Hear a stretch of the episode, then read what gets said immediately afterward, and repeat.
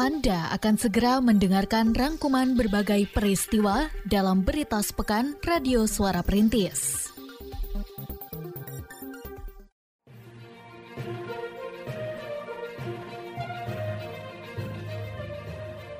Berita sepekan Radio Suara Perintis FM Kota Sukabumi.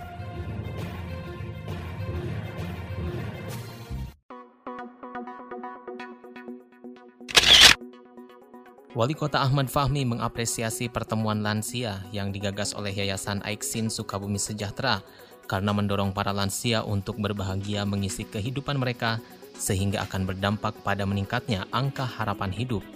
Pertemuan lansia yang diselenggarakan pada 19 Februari 2023 bertempat di Aula Yayasan Jalan Pabuaran. Menurut Wali Kota memiliki fungsi pula untuk memperkuat kebersamaan antar warga dan ia pun mengapresiasi kegiatan ini karena membantu pemerintah daerah untuk menjadikan kota Sukabumi sebagai tempat yang menyenangkan untuk semua kalangan. Sementara Ketua Yayasan Aiksin Sukabumi Sejahtera Bernardi mengatakan bahwa kegiatan ini rutin dilaksanakan setahun sekali setelah tahun baru Imlek. Dijelaskannya Yayasan Aiksin berdiri sejak tahun 2005 dan memiliki berbagai kegiatan seperti akupuntur serta dansa. Yayasan ini didirikan oleh 8 orang dermawan dengan lokasi awal di Vihara Dharma Ratna.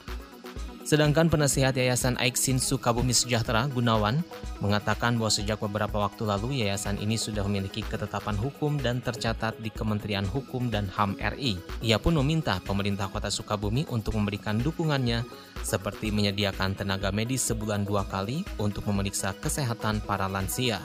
Jadi dengan telah kita kembangkan lagi sekarang menjadi status yayasan, ya.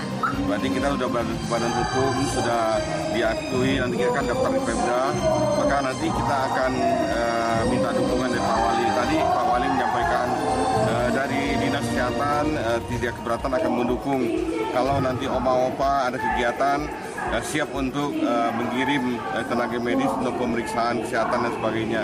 Bahkan Pak Wali tadi uh, menyampaikan ke saya kalau ada uh, program vaksinasi dan sebagainya uh, bisa lakukan di sini. Jadi para lansia oma opa kita uh, bisa berkumpul sini dari uh, tim medis dari Pemkot Kota Sukabumi akan datang melayani. Wali Kota Sukabumi Ahmad Fahmi didampingi Sekretaris Dinas Pekerjaan Umum dan Tata Ruang DPUTR serta Camat Lembur Situ dan jajaran meninjau lokasi bencana longsor di wilayah Lembur Situ pada hari Senin 20 Februari 2023. Pada peninjauan tersebut, Wali Kota mengatakan bahwa pihaknya akan segera melakukan perbaikan di lokasi longsor tersebut sebagai bentuk respon terhadap aduan warga yang mengeluhkan terganggunya irigasi akibat longsor. Longsor yang dipicu curah hujan tinggi menyebabkan tembok penahan tanah TPT ambruk sehingga menghambat aliran air ke lahan pesawahan warga. Uh, hari ini kita merespon keluhan dari warga masyarakat hmm. di wilayah Lembur Situ hmm. karena ada TPT yang roboh sehingga aliran air untuk persawahan terganggu. Alhamdulillah sekarang dengan camat, lurah, dengan dari PU termasuk juga tokoh masyarakat Pak RW dan Pak dengan Bu RT semuanya kita melihat meninjau lokasi dan insya Allah besok akan mulai diperbaiki. Mudah-mudahan setelah diperbaiki ini aliran air ke sawah ini akan normal kembali. Oke. Sementara Kepala Bidang Sumber Daya Air DPUTR Cicep Rapi mengatakan bahwa proses perbaikan akan dimulai pada 21 Februari 2023 bersamaan dengan perbaikan lokasi longsor di wilayah lainnya ia juga menyampaikan bahwa curah hujan yang tinggi mengakibatkan banyak terjadi longsor di berbagai wilayah di kota Sukabumi. Uh, hari ini uh, kita lihat survei sama Pak Wali memang kegiatan yang TPT itu udah cukup lama ya kurang lebih satu musim uh, kena longsor. Nah hari ini insya Allah uh, mulai besok itu mulai dikerjakan sama PU. Kebetulan ada kegiatannya di kita di OV. Insya Allah uh, mulai besok kita mulai dilaksanakan. Terus kalau kota mungkin ada berapa mungkin rencana Oh memang cukup banyak yang satu kota ini apalagi musim yang ekstrim ini memang cuman insya Allah kita uh, tertangani lah dari anggaran BTP yang ada sekarang insya Allah mulai bulan ini mulai direalisasikan di lapangan. Uh, yang paling parah sih sebetulnya di daerah Cisuda. Kalau ini nggak nggak begitu ini. Cuman kan di sini mengairi kurang lebih sawah kurang lebih 50 hektaran lah. Kantor Kementerian Agama Kemenag Kota Sukabumi mulai mempersiapkan proses pemberangkatan calon jemaah haji. Hal tersebut disampaikan oleh Kepala Seksi Pembinaan Ibadah Haji dan Umroh Kemenag, Abdul Manan saat ditemui di kantornya pada 20 Februari 2023. Ia menerangkan saat ini pihaknya masih menunggu kepastian kuota jemaah yang akan diberangkatkan karena menurut informasi bahwa pasca pandemi kuota tersebut akan dikembalikan ke jumlah normal sekitar 250 orang. Namun meski demikian persiapan terus dilakukan seperti pengurusan dokumen paspor berkoordinasi dengan kantor imigrasi. Adapun untuk jadwal pemberangkatan berdasarkan informasi yang diperoleh Kemenag Kota Sukabumi, gelombang pertama jemaah haji Indonesia direncanakan akan berangkat mulai 24 Mei mendatang. Ia juga menambahkan untuk kelompok terbang atau kloter hingga saat ini belum ditetapkan. Terkait biaya ibadah haji, pemerintah dan DPR RI telah menyepakati bahwa biaya perjalanan ibadah haji adalah sebesar Rp49.812.700,26 yang terdiri dari biaya penerbangan, living cost, dan layanan masyair. Ia menyampaikan bahwa pihaknya masih menunggu keputusan pemerintah pusat untuk waktu pelunasan biaya tersebut. Ya Alhamdulillah untuk penyelenggaraan haji tahun ini kita sedang melaksanakan persiapan-persiapan di antaranya kita sedang menyiapkan dokumen haji seperti paspor. Kemudian pasca penetapan BPIH antara Kementerian Agama dengan Komisi 8 Alhamdulillah jamaah di kita di kota Sukabumi nyambut dengan baik dengan bergembira dengan adanya penurunan BPIH dari 98 juta menjadi 90 juta tentu saja itu disambut dengan baik oleh para jemaah. Tinggal kita menunggu saja ini waktu pelunasan e, eh, BPIH tersebut. Sampai hari ini belum ada. Itu kan diatur melalui e, peraturan presiden. Dinas Ketahanan Pangan, Pertanian, dan Perikanan atau DKP 3 Kota Sukabumi kembali menggelar talk show Kongguan atau Ngawangkong Urusan Pangan yang kali ini diselenggarakan di Villa Kurniawan pada 21 Februari 2023. Talk show yang dihadiri oleh Wali Kota Ahmad Fahmi beserta Ketua TP PKK Fitri Hayati diikuti oleh sekelompok petani pekarangan pangan lestari atau P2L. Wali Kota pada kesempatan tersebut menandaskan bahwa pemerintah memiliki komitmen untuk meningkatkan produktivitas dan kualitas pangan, di antaranya dengan pemanfaatan pekarangan. Hal ini berkaitan pula dengan menjaga ketahanan pangan yang telah ditetapkan dalam Peraturan Pemerintah Nomor 17 Tahun 2015. Bentuk lain dari perwujudan komitmen tersebut yaitu dikenalkannya pola tanam padi IP 400 sehingga panen dapat dilakukan empat kali dalam setahun. Jelaskan. Uh, acara hari ini teman-teman DKP 3 bersama Pak Guyuban P2L kami berupaya membangun komitmen kebersamaan bagaimana lahan pekarangan harus tetap produktif jadi sekecil apa pun lahan pekarangan yang dimiliki, mari kita tanami dengan apa pun itu. Mau sayuran, mau buah-buahan, sehingga betul-betul produktif dan ini dalam rangka menjaga ketahanan pangan di wilayah kita. Sementara Kepala DKP 3 Kota Sukabumi yaitu Adrian Haryadi mengatakan bahwa kegiatan ini diharapkan mampu memberikan semangat kepada petani P2L agar lebih giat dan mandiri. Jadi kegiatan ini mulai dari apa yang beliau kegiatan kelompok P2L bukan hanya memfasilitasi saja. dan ini salah satu acara untuk refresh dari rekan-rekan dari kelompok P2L di mana beliau sudah melaksanakan kegiatan P2L karangan pangan lestari.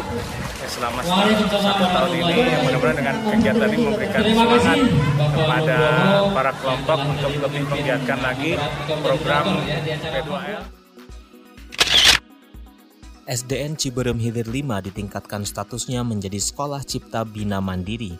Peresmian status baru tersebut dilaksanakan pada 22 Februari 2023 dan dihadiri di antaranya oleh Wali Kota Ahmad Fahmi beserta jajaran Dinas Pendidikan dan Kebudayaan Disdikbud dan Kecamatan Ciberem.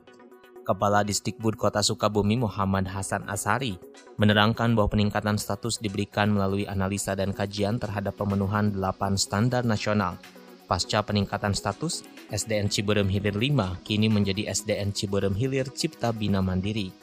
Wali kota pada kesempatan tersebut menerangkan bahwa dengan status barunya tersebut SDN Ciberem Hilir Cipta Bina Mandiri harus meningkatkan sinergitas antara guru dan orang tua untuk mencetak peserta didik yang memiliki intelligence quotients IQ, physical quotients, emotional quotients, dan spiritual quotients. Sedangkan Kepala Sekolah Didin Supriyudin mengharapkan dengan peningkatan status berbagai inovasi dapat dilahirkan dan membawa SDN Ciberem Hilir Cipta Bina Mandiri menjadi lebih baik di masa depan. Eh, kami tentu harus melakukan inovasi-inovasi ke depan. Tentunya dengan lahirnya eh, Ciberem Hilir 5 menjadi Ciberem Hilir Cipta Bina Mandiri, tentu kami awalnya berangkat dari dasar pemikiran ada suatu harapan dan keinginan bagaimana ke depan. Sebab yang kami asuh ini adalah anak bangsa. Anak bangsa yang tentunya punya harapan jauh ke depan. Bagaimana kami dan rekan-rekan guru kami berkarya. Berkarya dan berkarya melakukan satu inovasi-inovasi ke depan. Bagaimana anak-anak bangsa ini memiliki eh, minat dan bakat bagaimana minat dan bakat itu nanti akan kami akan kami kembangkan nanti ke depan seperti apa. Sebab yang namanya cita bina mandiri itu adalah konsepnya adalah konsep sekolah model. Jadi artinya kami harus memiliki model apa sih? Kira-kira sekolah Ciberem Hilir Cipta Bina Mandiri itu kira-kira seperti anu. Dinas Komunikasi dan Informatika Diskominfo Kota Sukabumi menggelar forum perangkat daerah untuk menyerap berbagai aspirasi yang akan disesuaikan dengan perencanaan program kerja tahun 2024. FPD yang digelar di Cafe SKBM pada 21 Februari 2023 dihadiri di antaranya oleh Wali Kota Ahmad Fahmi, Wakil Wali Kota Andri Setiawan Hamami, serta para influencer. Wali Kota ketika membuka FPD menyatakan bahwa ia mengharapkan Diskominfo bisa terlibat dalam upaya penataan kota dan merapikan instalasi kabel udara yang menurutnya sudah tidak terkendali. Selain itu, ia pun mendorong Diskominfo untuk mengedukasi masyarakat terkait digitalisasi. Sedangkan, Kepala Diskominfo Kota Sukabumi, Rahmat Sukandar menerangkan bahwa FPD yang menjembatani prinsip perencanaan bersifat top down dan bottom up. Pihaknya mengundang para influencer dan penggiat media sosial serta perusahaan penyedia jasa telekomunikasi yang ada di Kota Sukabumi untuk mewujudkan kolaborasi Pentahelix. Kehadiran mereka menurutnya sesuai dengan dua isu yang dibahas, yakni mengenai tata kelola jaringan kabel udara dan penyebar luasan informasi positif, terutama tentang hasil pembangunan serta berbagai program pemerintah Kota Sukabumi. Alhamdulillah, forum perangkat daerah yang dilaksanakan di Skominfo ini sedikit berbeda dengan uh, eh, SKPD lain karena ini murni kolaborasi. Jadi kita bekerja sama dengan para provider untuk uh, apa namanya melaksanakan forum ini. Forum ini tidak murni dilaksanakan oleh Diskominfo, tetapi juga dilaksanakan oleh teman-teman para provider telekomunikasi. Kemudian kita juga mengundang teman-teman influencer agar sama-sama bisa mensosialisasikan program pembangunan Kota Sukabumi, hal-hal positif Kota Sukabumi, eh, apa namanya eh, objek wisata kah, kuliner dan sebagainya. Jadi kita ingin menegaskan kembali bahwa prinsip kekitaan dalam proses pembangunan Kota Sukabumi ini harus diperkuat. Sekretariat Dewan Perwakilan Rakyat Daerah DPRD Kota Sukabumi melaksanakan forum perangkat daerah FPD untuk menyusun rencana kerja tahun 2024 yang dilaksanakan di Hotel Anugrah pada 23 Februari 2023. FPD tersebut dihadiri di antaranya oleh Ketua DPRD Kamal Suherman beserta Wakil Ketua dan para Ketua Komisi serta Wali Kota Ahmad Fahmi. PLH Sekretaris Sekretariat DPRD Endang Toyib pada kesempatan tersebut menjelaskan bahwa terdapat tujuh indikator untuk tahun 2024 sesuai dengan tema pembangunan yakni menjaga kondusivitas kota di tahun politik.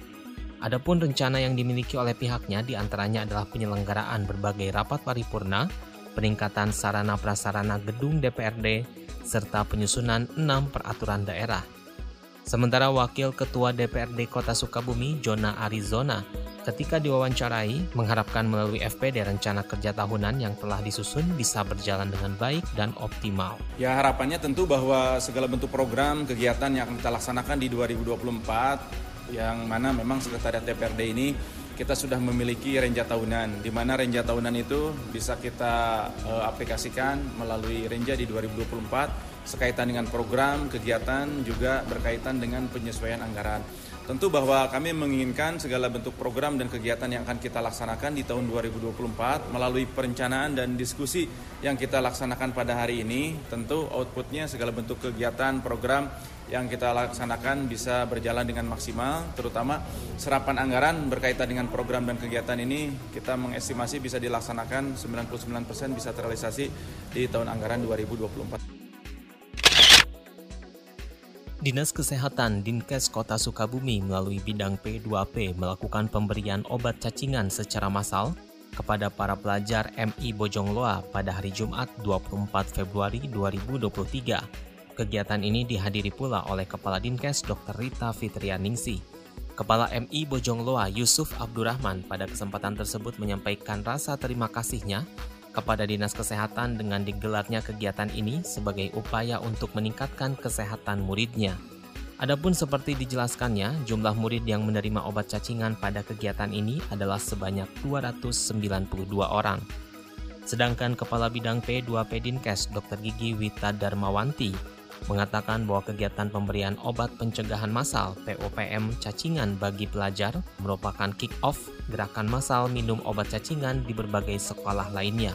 Ia menambahkan bahwa penyakit cacingan bisa mengakibatkan berbagai dampak seperti anak mengalami gagal tumbuh kembang, malnutrisi, bahkan menyebabkan stunting. Itu pemberian obat cacing secara massal supaya uh, kita ini ada upaya ya, merupakan upaya pencegahan uh, agar anak-anak kita di usia 7 sampai 12 tahun itu terhindar dari kecacingan. Kecacingan sendiri menyebabkan uh, gagalnya uh, tumbuh kembang ya, kemudian uh, secara uh, apa selain pertumbuhan juga kognitifnya. Kemudian juga ini menyebabkan uh, biasanya malnutrisi. Nah, POPM ini juga salah satu pencegahan terhadap stunting juga ya ke depannya. Uh, targetnya sebenarnya seluruh anak-anak ya eh, terutama anak-anak usia eh, apa namanya usia sekolah.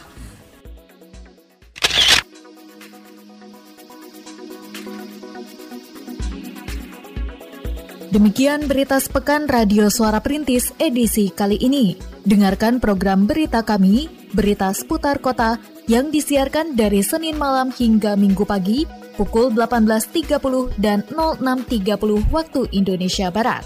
Dengarkan pula setiap Senin hingga Jumat, berita siang pukul 13.00, berita sore pukul 16.00, dan berita malam pukul 21.30 waktu Indonesia Barat.